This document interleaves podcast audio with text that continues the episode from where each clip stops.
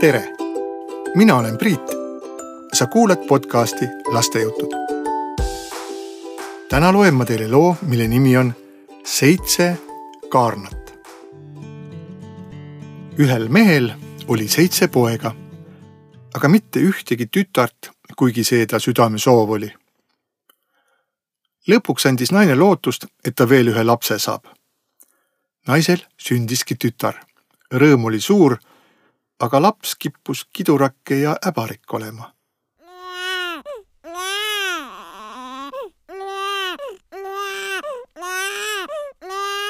isa saatis ühe poja kiiresti kaevule, et lapse vannitamiseks vett tuua.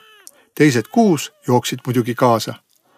igaüks neist tahtis kannu täitmisel asjamees olla ja nii juhtuski, et kann kukkus kaevu.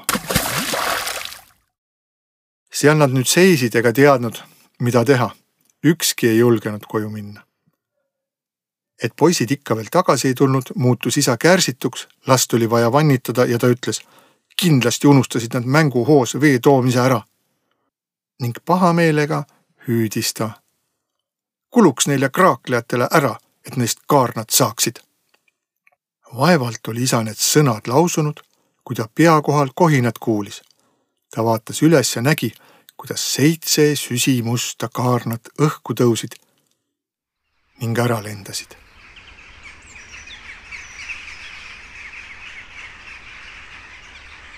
vanemad ei saanud oma sajatust enam tagasi võtta.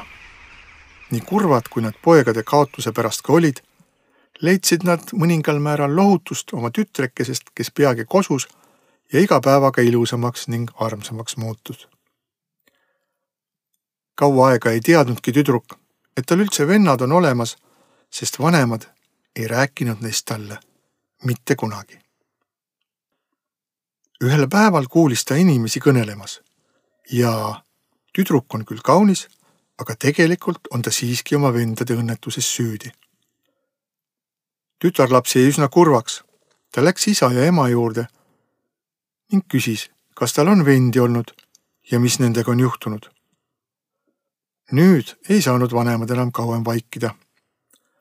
Nad seletasid, et see, mis kord juhtus, oli saatus ja tütre sündimine oli ainult selle süütu põhjus. tütarlaps mõtles sellest iga päev ja jõudis otsusele, et tema kohus on vennad päästa, maksku see, mis maksab ning ta võttis selle oma südameasjaks ta ei saanud enne rahu, kui oli salaja kõik ettevalmistused teinud. ja siis läks ta laia maailma oma vendi otsima, et neid ilmtingimata nõidusest vabastada. kaasa võttis ta ainult sõrmuse mälestuseks oma vanematest ja pätsi leiba nälja peletamiseks, kruusi vett janu kustutamiseks ning väikese pingikese puhkamiseks ta läks ja läks kaugele-kaugele kuni maailma ääreni. ta jõudis päikese juurde, aga see oli liiga palav. kiiresti jooksis tütarlaps sealt minema ja läks kuu juurde, aga see oli jälle liiga külm. rutuga lahkus ta sealt ning läks tähtede juurde. tähed olid sõbralikud ja head iga täht istus oma toolikesel. Koidu täht tõusis püsti, andis tütarlapsele taevavõtme ja ütles. kui sul kanavarbakest pole, ei pääse sa Klaasmäele sisse, aga Klaasmäes on sinu vennad. tütarlaps võttis võtme vastu, mähkis selle rätikusse ja läks jälle edasi, kuni jõudis Klaasmäeni värav oli lukus ja neiu harutas rätiku lahti, et võtta taevavõti, kuid rätik oli tühi. ta oli heade tähtede kingituse ära kaotanud.